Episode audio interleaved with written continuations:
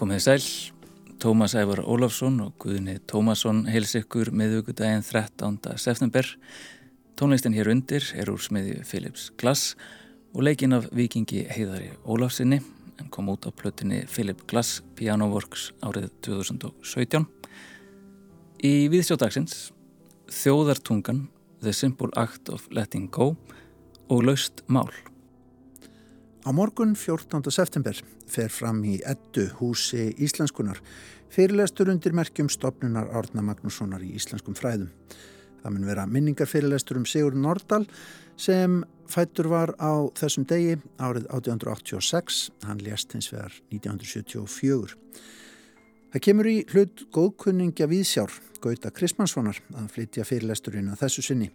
Gauti sem til margra ára hefur verið bókmyndagaggrinandi hér á bæ er prófessor í þýðingarfræðum við Háskóla Íslands. Fyrirlæsturinn sem framfer klukkan 17 á morgun í ettu er öllum opinn en Gauti kallar hann hvað þýðir þjóðtungan. Þar verður litið til hugmyndasigurðan Nordals um samhengið í íslenskum bókmyndum og það er skoðaðar í spekli þýðinga og þróunar bókmynda á Íslandi og í Evrópu. Í framhaldinu verður reynd að rína í samtíman og hugsanlega áhrif gerfegreindar á þjóðtunguna, íslenskar bókmentir og þýðingar. Við ræðum við Gauta Krismansson í þætti dagsins. Laust mál nefnist síning sem opnið var í Skaftfelli, listamiðstöð Austurlands á Seyðisverði og samanstendur hún af verkum sem draga innblástu sinn frá ljóðlist og snertumörkum hennar við myndlist. Til sínis eru allt frá bókverkum og skulptúrum til gjörninga og vídeoverka sem hafa kjarnar ljóðsins að útgangspunkti. Listamenn síningarinnar eru ímist ljóðskáld eða myndlistamenn. Ásta Fanni Sigurðardóttir, annar síningastjóra Laust Mál, kíkir til okkar í dag og ræður um síninguna, ljóðið og myndlistina. Síðan reynum við að sleppa tökunum í um stundað minnstakosti. Dansverkið The Simple Act of Letting Go var frumsýnt af Íslenska dansfloknum á fjölum borgarleikusins síðasta sunnudag. Eva Haldóra Guðmundsdóttir, sviðslistarínir Víðsjár, mætti á síninguna og segir frá upplifun sinni í þætti dagsins. En við byrjum á þjóðartungunni. Morgundagurinn 14. september er fæðingadagur Sigurðar Nordals en uh, hann var fættur 1886, dáin 1974 þessi mikli nestor í íslenskum fræðum, höfundur já, bókarinnar með stóra titilinn Íslensk menning, hvorki verður minna og auðvitað mikill fræðumæður á sviði bókmenta fyrir alda e, hér á Íslandi. Það er alltaf haldinn minningar fyrirlestur um Sigurð og á morgun á fæðingadeginum þá kemur það í hlut mann sem að hlustundu vísjár þekkja mæta vel okkar maður Gauti Krismansson bókmenta gaggrinandi hér í þættinum til margra margra ára. E, Þú ætlar að hugsa aðeins um Sigurð og þýðingar horfa til fortíðar og til framtíðar veit ég. En ef maður hugsa um Sigurð þá kannski maður, e, e, eru þýðingar ekki það fyrsta endilega sem að kemur upp í hugana það Gauti?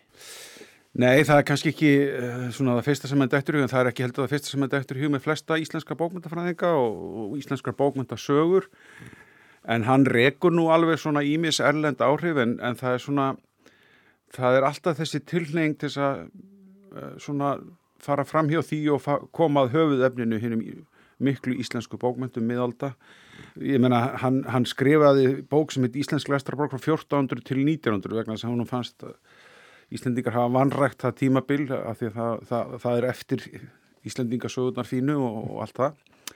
Og hann er náttúrulega kannski einn af höfuð páfum hérna þjóðurnislegu hugmyndar um uh, bókmentir mm -hmm. ég menna hann uh, eins og þekkt er hann jáfnvel held í fram að kjálsaga væri raunveru skáldsaga og, og þar með værum örunöfur ekki eitthvað svona sakfræði heldur, heldur orðin sköpunarverk, frumsköpunarverk Íslendings og, og svo framvegis og, og það eru fleiri svona þessa tilnefingum á uh, oft lesa hjá honum mm. Og öðrum bókmyndafræðingum sem skrifum bókmyndasögu Og það hefur auðvitað vatnurinn til sjávar eftir að Sigurður skildi við og, og hætti afskeftum sínum af, ef við notum þetta hugtak aftur, íslensk, mm. íslenskri menningu eða mm. bókmyndalífi. Mm. Við hefum kannski verið í þýtaldi og undanförnum árum að sjá Íslensk menningalíf ferri alltaf í nánari tengslum við umheiminu, er það ekki? Það hefur einmitt komið fram. Jú, jú, það hefur komið fram og það er lemst í nýjustu bókmyndasögu Armans Jakobssonar og, og félaga er svona raki til að mynda í byrjun hvernig erlendu orðinu það sé, það, þú veist, það má alveg lesa þar í raun og veru, þó það sé ekki sagt beinum orðum, að undirstaði íslenskra bókmynda eru erlend verk. Það, menna, það, það, ekki, það byrjar bara á, á fyrstu sko ég segi stundum að sko fyrsta málfræðarítgerinn er fyrsta gerfigreindar forritið sem skriðað er á íslensku. Já.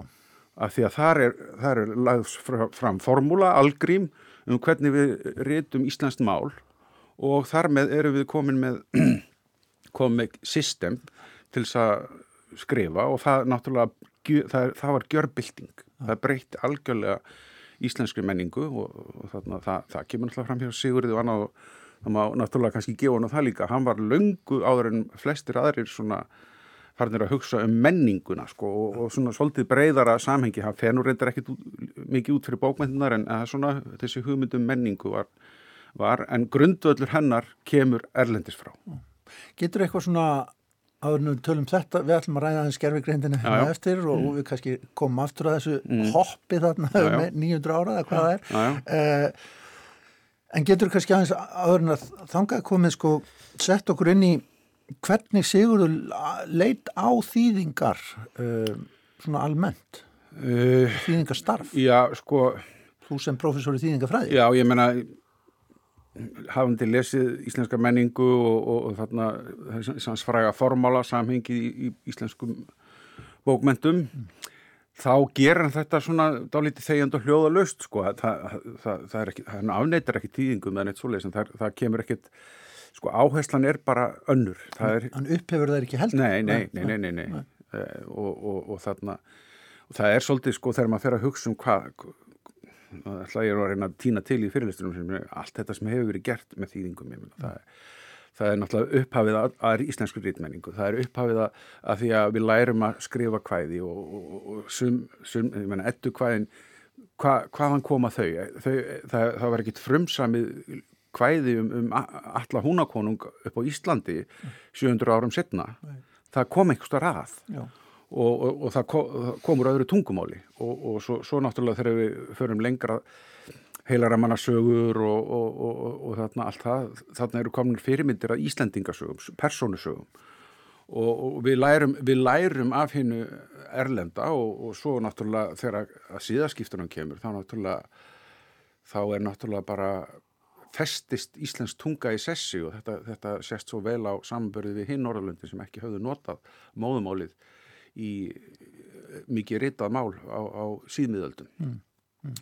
og þar, þar með náttúrulega líka, það gleimist líka mjög ofta mikið af þeim sálmum sem hver einasti kæftur í landinu söng mm. voru þýðingar og þetta söng fólk vikulega Ólæsir gáttu líka verið með og þannig fekk þjóðin sitt, ég held sitt fræga bragera og, og, og, og þarna tilfinningu fyrir hrinjandi kveðskapar og svo framvegis. Mm. Þetta helst allt í hendur. Já, þetta helst allt í hendur. Og er kannski aðeins floknara kerfi en Sigurður setti fram?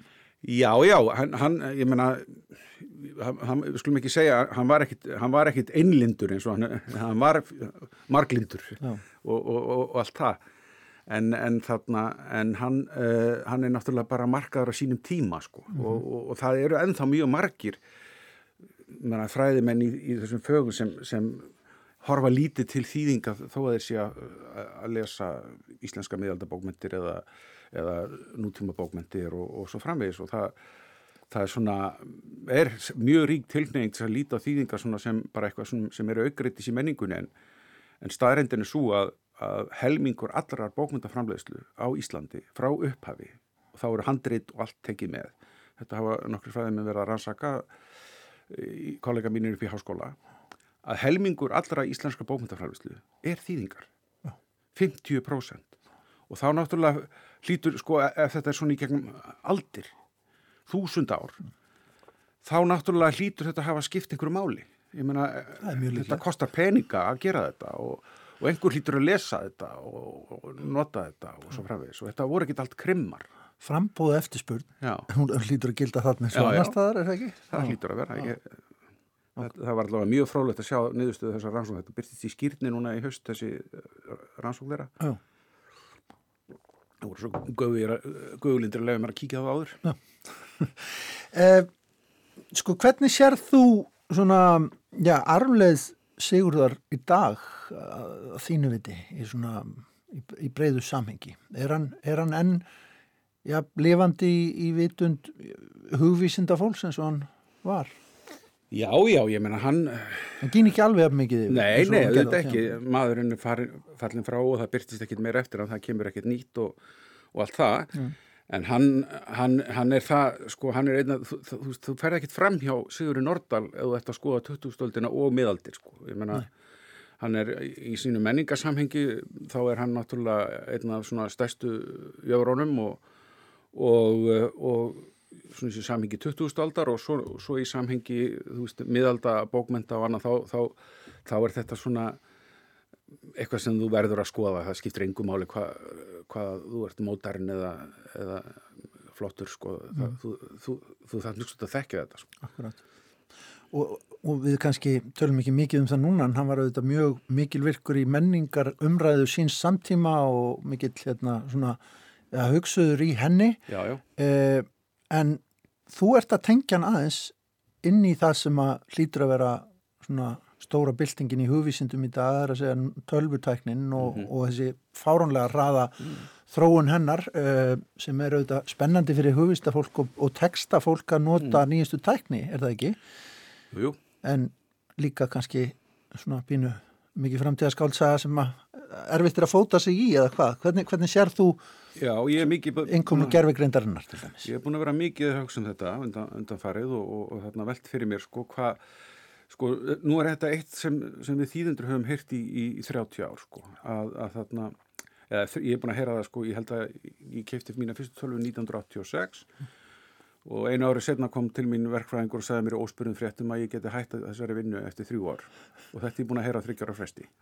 Og enn er það ekki komið svo. Og tölvutna myndu taka við. Já og, og sko það er spurning sko um leið og e, einhverjir verða óþarfir þá erum við, þá erum við að segja manneskjur sér óþarfar, það er sem sé af, af mennskun að tala um þetta svona. Mm -hmm og það hefur stundum loða við að þýðingar séu bara eitthvað, eitthvað mekanist fyrirbæri og, og, og það verðist enginn hafa tekið eftir því að síðustu 30-40 ár hafa menn verið að tala um uh, tungumálið sem tvírætt og margrætt og, og svo framvegis en þetta er að, þetta tröllriður öllu núna og ég held að þetta sé bæði van og ofmettið þetta, þessi, þessi ofmettnaður er svona eins og þetta með velþýðingarnar sko sem er búin að heyra í þessa áratíi þetta er alltaf að koma, þetta er rétt handa með hotnið eh, og þarna það er svona, það sem kallað er sko háfaði eða hæp í kringu það. Og það hefur við líka þetta, það verður engin, þarf engin að skrifa reyfara lengur, það er bara hægt að setja formúluna inn.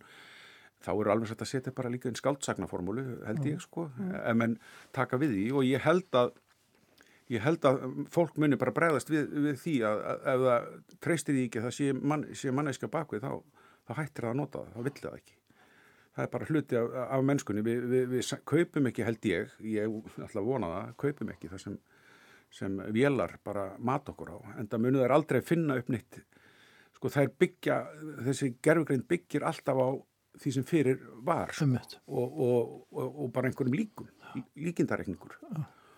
og þannig að þau geta, þau geta gert margt mjög vel en, en þarna hvort að það sé eitthvað sem breytir einhverju fyrir okkur í, í kollinum manneskur, það, það verður tíminarleiði ljós. Já.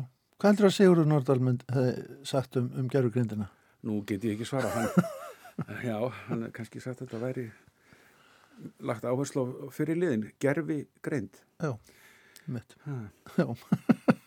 Þetta ætlar alltaf að fara í betur á morgun. Gauti Krismarsson, professor í þýðingafræði við Háskóla Íslands, þú verður í átnastofnu Artgrímsgötu 5 á morgun klukkan, klukkan 5 ettu, í ettu, já, akkurat. Þetta er sem sagt, já, maður fattar það þegar maður lesir þetta, Artgrímsgata 5 er etta já.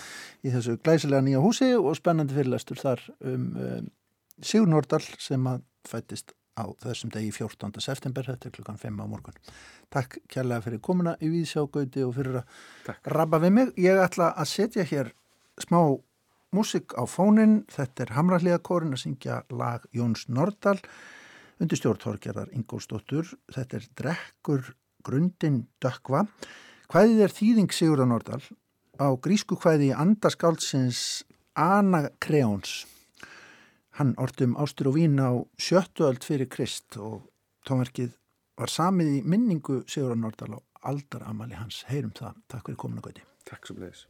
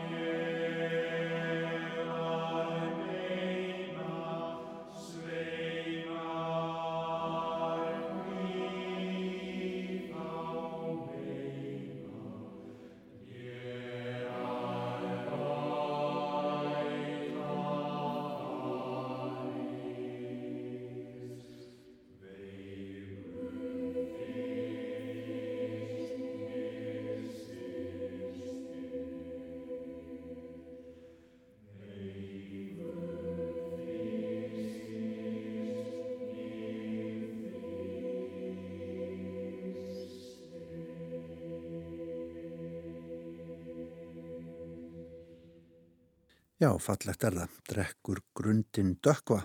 Hamraliða kórin söng tónverk Jóns Nordals sem hann samti til minningar um föðusinn Sigur Nordal á 100 ára fæðingaramali hans árið 1986.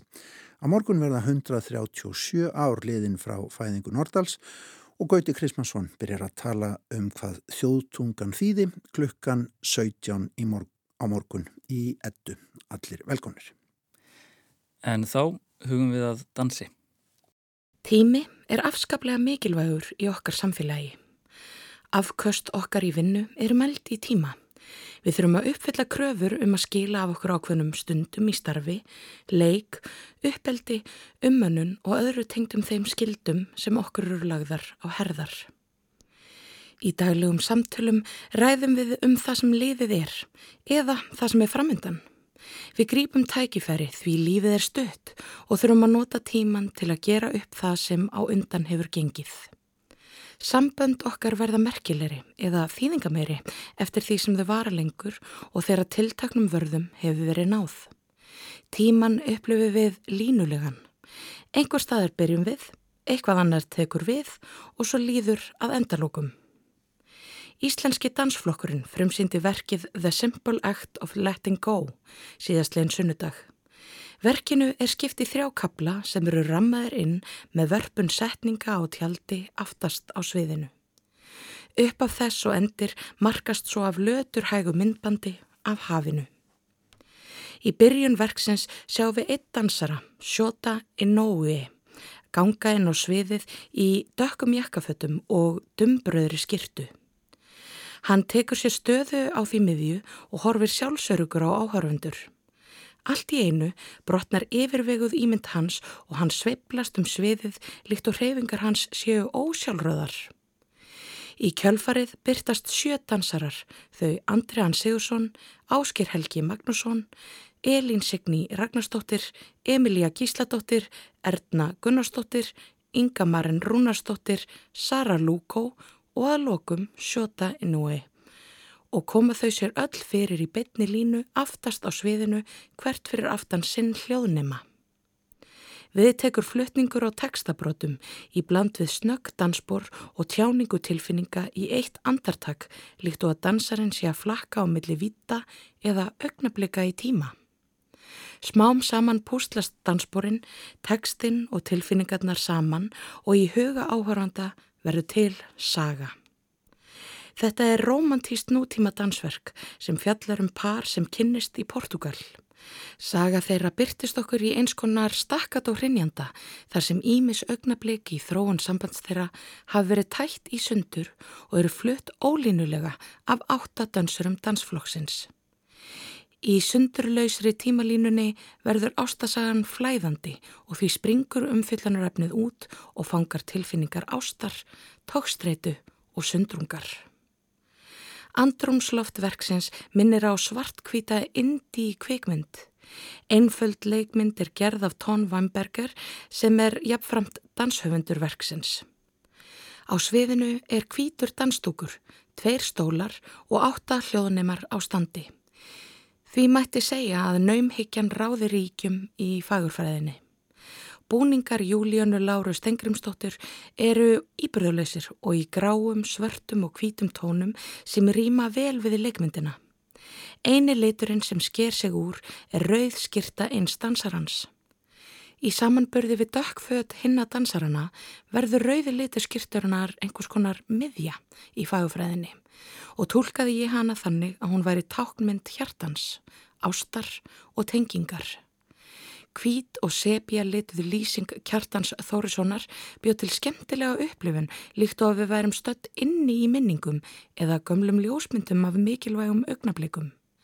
Í upphafi var lýsingin víð og allur dúkurinn vel lístur upp en smátt og smátt þrengtist hún og mingaði svæði dansarana og bjóða til spennu.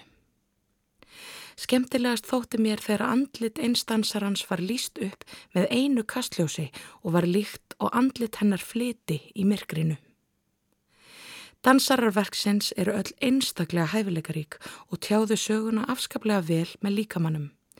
En hins vegar hefði danshöfundurinn Tom Weinberger mátt vinna betur með tjáningutilfinningana sem eru gríðast úr hluti af verkinu. Weinberger gerir áhörfundur meðvitaða um takmörk tungumálsins með tjáningu tilfinninga sem byrtast okkur í endurtekningum á spórum, orðum og sveibriðum. En tilfinningarnar vara svo stutt. Ég upplifiði að eini dansarinn sem fekk leifi til að fara alla leið inn í þær væri elinsegni en hinum hafi verið sett það verkefni að tjá tilfinningarnar án innlifinar. Líklegast hefur Weinberger vilja nálgast tilfinningarnar á vísendilegan hátt en afstöðuleysi performerana gerð það verkum að ég fjarlæðist efni við þinn. Það sem ég þótti einna skemmtilegast í verkinu var hljóðmynd Matan Daskal. Hljóðheimurinn var að hluta til lifandi, fluttur af dönsörnum með ákaflega skemmtilegum áhrifum í gegnum dílei eða sengun og annars konar teknileg hljóðhrif en inn á milli mátti heyra hljóma minimalískar upptökur, bergmálandi klukkutif, sjávarnið og tónlist sem kryttaði senurnar.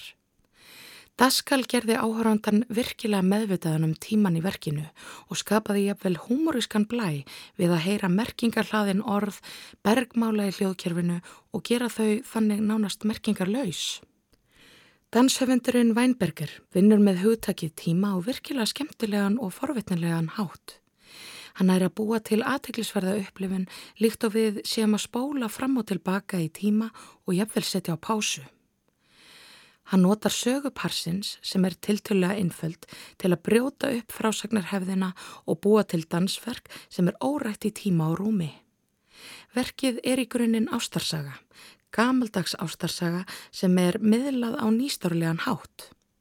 Frásagnartækni þeirra er tilrunakend og er virkilega skemmtilegt að sjá ástarsögu parsins brotna upp og sjá upphafið tjáð á nýjan hátt. Upphafið, miðjan og endurinn eru tætt í sundur, kastað upp í loft og sögð í brotum. Með því að brjóta upp línulega frásögn nær hann að fjalla um tíma á heimsbyggilegan hátt. Við verðum meðvitið um hvað tíminn og lífið er í raun órætt fyrirbreyði. Fólk upplifir tíman í gegnum tilfinningar og tilfinningar hafa ekki tímaskinn. En mér þótti óþarfi að draga áhorfandan út úr frásögninni með því að merkja það sem væri í gangi í verkinu. Ég aftengdist þegar dansararnir þuldu upp tilvitnanir um höft orða og tungumáls og skilgrindu fyrir okkur verkið sem abstrakt dansverk. Mér hefði þótt sterkara að treysta á tilfinninguna. En Weinberger kann að búa til afskaplega fallegar myndir á sviðinu. Bæði býr hann til skemmtilega dýnamík og spennu með hópnum öllum og setur einstakadansara í stöður sem fanga augnablík og tilfinningar eða jafnvel vekja húrenningatengsl við rennesans málverk. Einni notar hann spór sem hinn almenna dansa áhuga manneska þekkir. Þá leikur hann sem er spór og stíla líkt úr flamengo og ballett. Hann nýtir endur teknikar vel og vinnur ímist í takt við hljóðmyndina eða á mótinni sem er spennandi. Eins og áður sagði er tímin í aðarhlutverki í The Simple Act of Letting Go. Lífið er ekki endilega línulegt. Öðvelt er að skrolla niður eða tilbaka yfir helstu viðbörði lífsins og horfa á stóru ákvarðanirnar, áföllin, sigrana og samböndin og láta framvenduna skilgreina líf þitt á þann hátt. En lífið er líka óreiða augnablika. Í þeim augnablikum verða til töfrar, eru teknar ákvarðanir og áföll dinja yfir og eru hluti af lífinu. Sambönd þarf ekki endilega skilgreina út frá tíma eða áfengum heldur má meta mikilvægið þeirra út frá tilfinningum okkar. Líkt og parið sem hittist í Portugal eru tilfinningarnar lifandi, þótt tíminn sé liðin og þær eru hluti af okkur núna.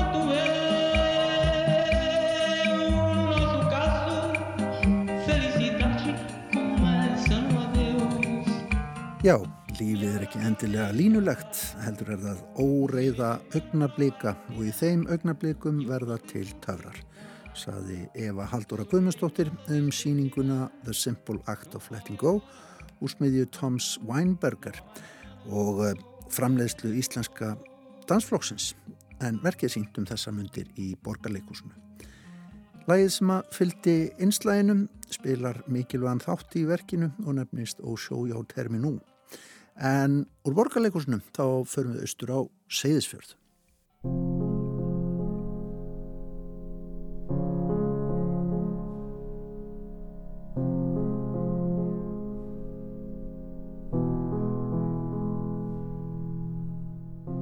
Á Seyðisfjörði um síðustu helgi var ofnuð síningin Laust mál í skaftfelli listamiðstöð Austurlands en hún rannsakar snertimörk ljóðlistar og myndlistar. Í síningaríminu teflir einvala lið myndlistamanna og ljóðskálda fram bókverkum, skúlptúrum, myndbandsverkum sem öll hafa kjarnaljóðsins að útgangspunkti. Listamenninir sem umræðir eru Ann Karsson, Ásta Fanni Sigurðardóttir, Birgir Andresson, Díter Rót, Guðjón Ketilsson, Joe Kís, Jón Lagstall Haldursson, Kristín Ómarsdóttir, Óskar Árni Óskarsson, Ragnar Helgi Ólafsson og Róni Horn. Sýningastjórn er í höndum Pari Stafe og Ástufanni er Sigurðardóttur en Ástufanni leit við hjá okkur í dag og sagði frá síningunni.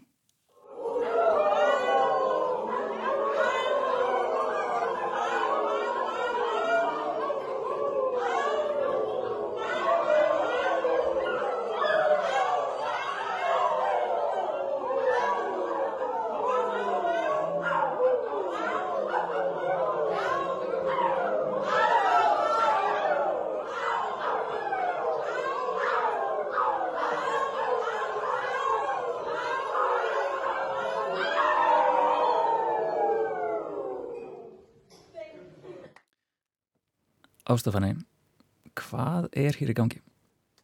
Það er verið að flytja verk, verkið á, eh, verkið samanstendur af stöfum, mörgum stöfum, en það er eiginlega bara einn stafur og það er stafurinn á.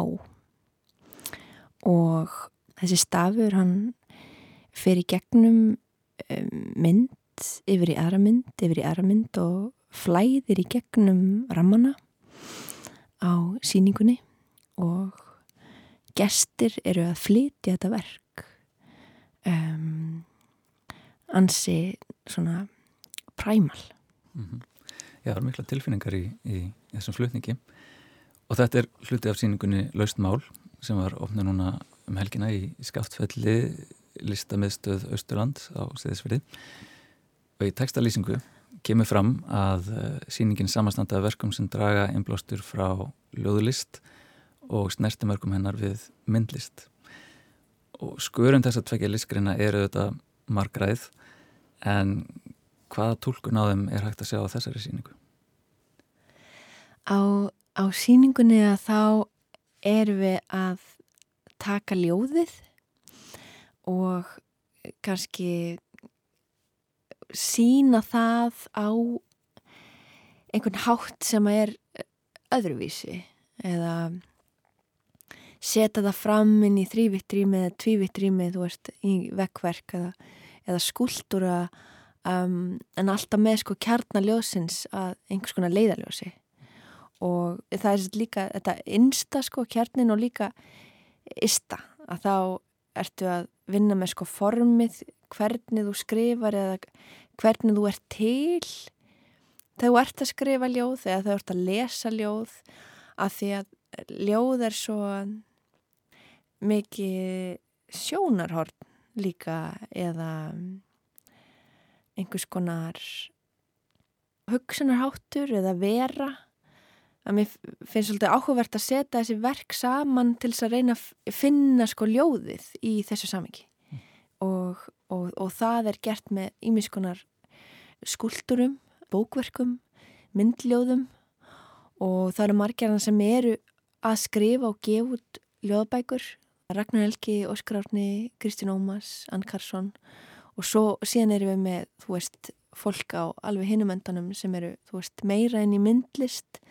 Birgir Andrisson með, er með húsaljóð, þar sem hann er að vinna með sko einhvers konar bláprent af, af gamlum húsarústum sem eru þannig að hann kallar þetta húsaljóð og lítur á þetta sem einhvers konar um, letur. Og þá erum við komið sko landslægi líka í þetta og líka svona manngert landslæg og hvernig þú horfir á þú veist náttúru eða það sem er eftir frá manninum í náttúru sem ljóð og tengir það einhvern veginn inn í það að skrifa ljóð er að byggja skrifa ljóð þú veist þetta er svona þú, þú, þú setur eitthvað upp og allt einhvern veginn getur verið ljóð og það er svo minnst það svo skemmtileg um skemmtilegt væp inn í síninguna. Það er svona, þú ert að vika út landamæri ljósins og þennja það út alveg. En á mjög hljóðlátan hátt líka. Ég heyrði á síninguna að þetta væri mjög svona um, modest síning þó svo að það er kannski ég áhugavert að heyra það því að bækur eru í rauninni mjög modest þegar maður lítur á þær en það er allt sem að gerist bara í hausnum og lesandanum og það er ekkert endilega mótast. Og þú ert uh, síningastjóri síningarinnar á samt pari stafi, fórstuðu manni Skaftfells. Uh, hver var kveikjan að þessum konunarleðangri ljóðs og myndlistar? Já, hún kom til mín og hérna bauði mér að vera með verk á síningunni og ég fagnæði því auðvitað. Og svo fórum við bara að tala um þetta meira og ég svona var alveg upptjúnuð að hérna að því að ég var svo spennt fyrir þessum mörgum og mér finnst það svo spennandi. Þannig að ég, þú veist, fór að segja frá alls konar verkum og alls konar listamönnum og, og það þróaði stæla út í það að ég var sko saman síningastjóri með henni. Eiginlega alveg óvart sem er bara mjög skemmtileg og ótrúlega hérna góð reynsla fyrir mig að, að fara inn í þetta þannig. En, en maður, maður líka þú veist, uppgötvar í þessu hlutverki hversu mikla ástriðu maður er fyr, með fyrir ljóðum og fyrir myndlist. Að því að mér fannst svolítið sárt að geta ekki fengi fleiri listamenn og skáld inn í síninguna að ég hugsa að við verðum að fá þennan, við verðum á þetta verki svo gegja og þetta, þú veist og mér fannst að vera svona missir eins og það væri sko ég var að kenna. Þú veist ekki að ég líti á sjálf mig sem kennar þessu samengi en svona eins og ég væri með bekk og það væri krakkar sem mætti ekki komin í bekkin eða sem ég leiði svona pínið þannig. En það er svo gaman að sjá sjálfa sig í þessu samengi og, og sjá að því að við erum með svo mörg skald og listamenn og það er fullt af fólki sem er að vinna sko á þessum mörgum en er kannski ekki endilega sína það eða segja það því það er kannski ekki e, bein vettfangur fyrir það. Þú veist ekki þannig. Þó svo að þetta náttúrulega búið vera í mörga ár þú veist textaverk og, og þessi snerti mörg. En það er svona gaman að setja þessa síningu upp á þannan hátt og búið til eitthvað flæði á milli og líka eins og þegar við vorum að tala um þessa síningu um, ég og Pari að það var svo takturinn í, í sko hérna að velja listamenn og velja verk og uppsending og hún var svona eins og við værum alltaf að fara að hliðagötunar vildum ekki fara þú veist á típisku aðalgötuna. Mm -hmm. og það var svo, það var svo hérna nærandi fyrir sálinna að hugsa, já, gerum bara svona. Þetta má kannski ekki alveg en gerum það bara samt. Og það er svo spennandi og gaman eitthvað að líka sjá svo verkin á síningunni og búa til svona uh, ég var fengin í að gera svona námskeið fyrir skóla sem að koma á síninguna og, og námskeið beigðist svolítið mikið á sko að gera tungumálið um, aðgengilegt í mótun og að breyta því og búa til ný orð og að búa til nýtt letur og nýtt kannski tungumál. Að, að, að, að sko að geta nota það á þann hátt sem þú vilt og það sé ekki fráhrindandi. Að því að þú veist ég man alveg eftir því að vera í skóla og þú skrifar ekki rétt á íslensku og þá, þú veist, það var ekki þessi nálgun að tungumáli sé líka lifandi og er í mótun og, og skemmtilegt og, og það sé úkslega gaman að vinna með það, af því það er, svo, það er svo gaman að skrifa ljóð. Og það er ekkit allir sem að vita það, eða þú veist af því að þetta getur verið svo ótrúlega skemmtileg hérna, skemmtileg leir. Við skulum heyra lítið brot úr einu af verkum síningarinnar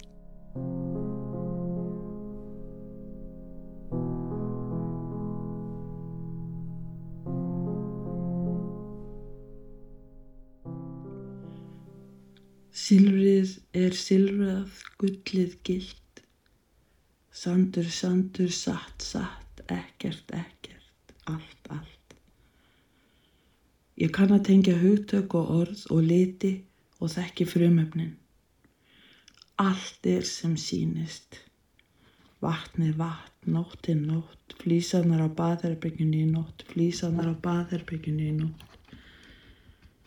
Ný uppgert. Allt raðast upp, rétt eins og orðflokkanir. Og söngurinn brotnar ekki, brotnar ekki. Hann brotnaði, en hann brotnaði ekki. Kúlan í borðspilinu ratar endurtekið heim, endurtekið, endurtekið á miðsjöfnum og staðföstum hraða, ratar og ratar og ratar heim. Ég verð þetta land með blóði mínu og skam.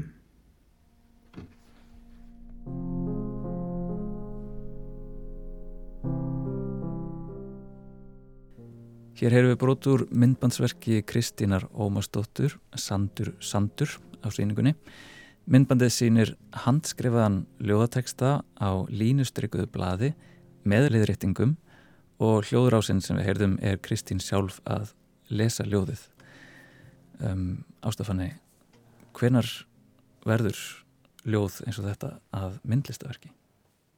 Það er spurning, mjög góð spurning hvort það sé orðið að myndlistaverki eða kannski stærri spurning hvað er myndlistaverk er það þegar þú setur eitthvað inn á myndlistasýningu hvenar er ljóð orðið að myndlist? Þetta eru kannski spurningar sem við erum að reyna að svara í síningunni með því að setja verkin fram sem já, myndlistaverk skúltúrar vídeoverk kannski verða að reyna að sína ljóðið á einhvern hátt kjarnaljósins það er mjög áhugavert þetta verkana Kristjánar að því að þetta er svo basic. Mm. þú ert með blað og það eru orð á blaðinu og blaðið hreyfist eða myndavillin og það verða að lesa upp texta. Þetta er svo einfalt. Mm. það næstuði má ekki. Það minnst það æðislegt.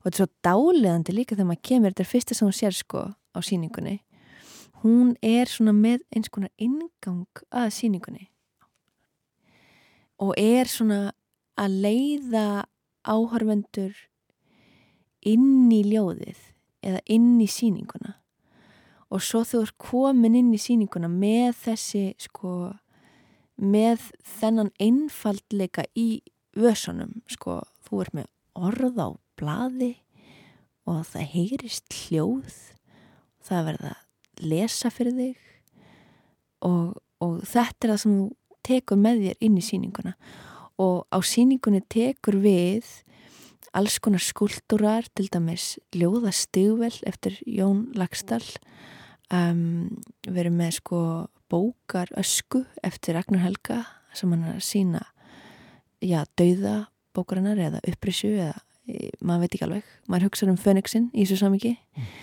um, þú erum með myndljóð eftir Óskar Árna þar sem að til dæmis hann er búin að prenta á blað krumpað ljóð krumpað ljóð. Síðan er hann búin að krumpa blaðið og búið til einhvers konar skuldur um, úr þessu. Og svo ertu með Kvíðan Ketilsson sem er með þessa trjágreinar og er að skrifa um, já, ljóð.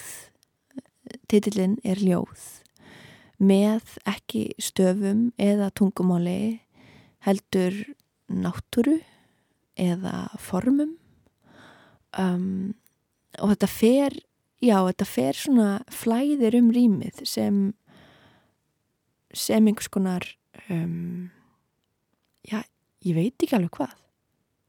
Þetta fer kannski svona aðeins á bakvið ljóðið, mér fannst allavega eins og verkefna Kristínar, þú ert með eins og þessi nýskrefað og leiðrétt og hún er að lesa það eins og það sé ekki alveg orðið ljóð en samt er það þetta svakalega ljóð? Já, ymmit bak við ljóðið. Ég hugsa að bestu ljóðin séu alltaf bak við sjálfa sig á einhvern hátt. Þau eru ekki skrifuð sem ljóð, heldur eru þau eitthvað og svo formgerast þau sem ljóð á bladi og þau eru alltaf ókunnug en samt svo kunnuleg. Þú veist hvað þetta er en það er samt eins og sé ekki alveg af þessum heimi á einhvern hátt. Ég hugsa að það sé kannski ymmit það sem ég gati ekki þú veist, hendur eður á aðan mm.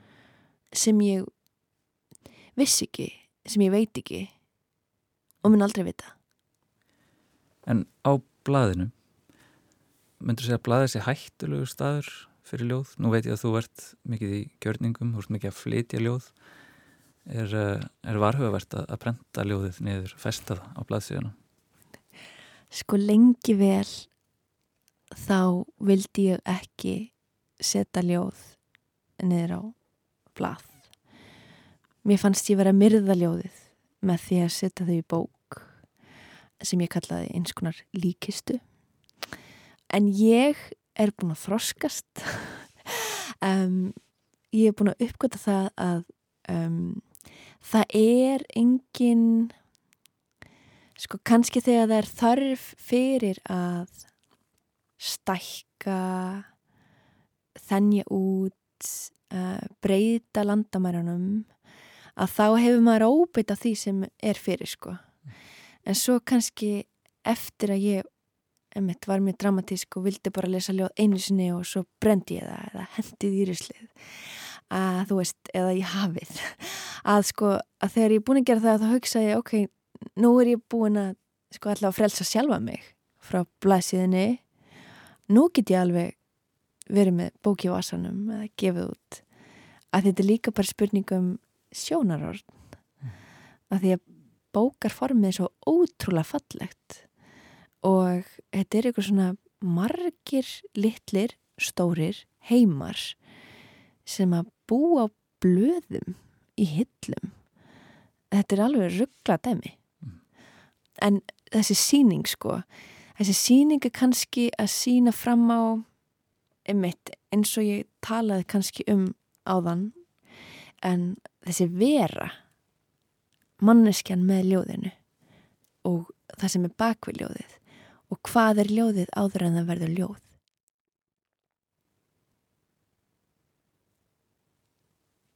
ég veit það ekki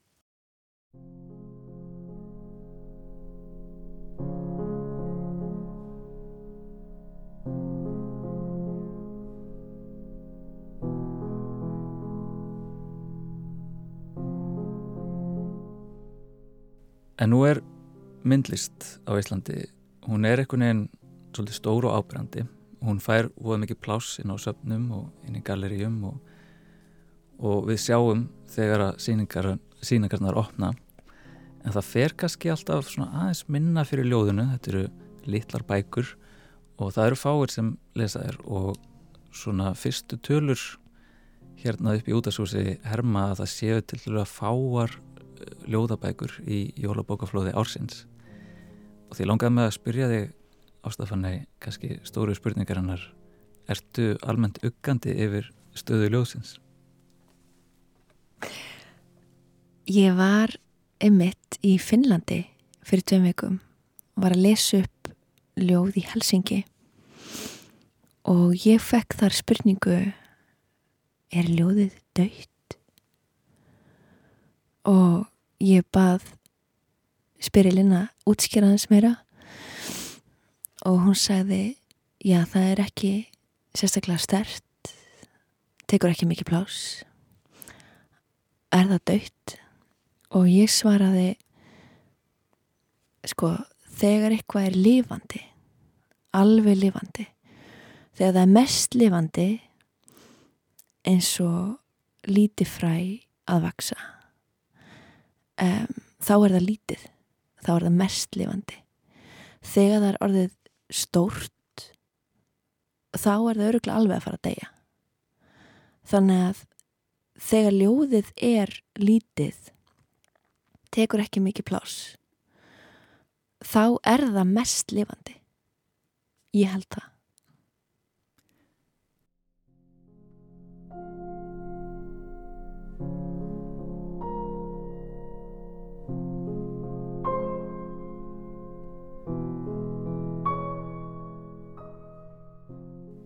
Og myndlistin á Íslandi sem þetta stóra fyrirbæri heldur að hún sé þá kannski frekar í kreppu? Um, Ég held að myndlistin sé alltaf að deyja og alltaf að endur nýja sig. Myndlistin er ánum svo góð í að mm, borða sjálfa sig. Hún stækkar alltaf og svo deyr hún og svo kemur eitthvað allt annað sem er kannski ekki myndlist eða virðist ekki vera myndlist. En hún er svo, hún er svo þjálfið í að þennja út sjálfa sig um, á einhverjum sviðum sem er ekkit endilega sko litið á sem myndlist. Þannig að um leið hún er hún stór þá er hún að deyja en þá nær hún einhvern veginn að spretta upp annar staðar. Þetta er eins og indislegt ílgrisi.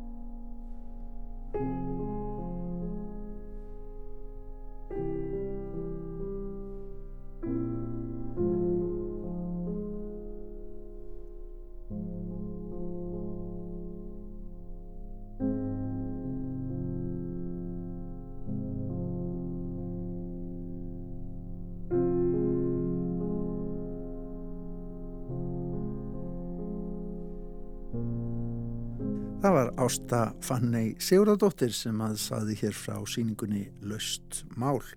Við ljúkum þætti dagsins á þessu tónverki sem byrjaður að hljóma hér undir. Þetta er úr smiðju Philips Glass, etíða nr. 5. Það er vikingur Heiðar Ólafsson sem leikur á piano. Tæknumæður í útsendingu var Magnús Þorstein Magnússon við Tómas Ævar Ólafsson og Guðni Tómasson. Þakkum kærlega fyrir okkur í dag. Takk fyrir að hlusta og verið sæl.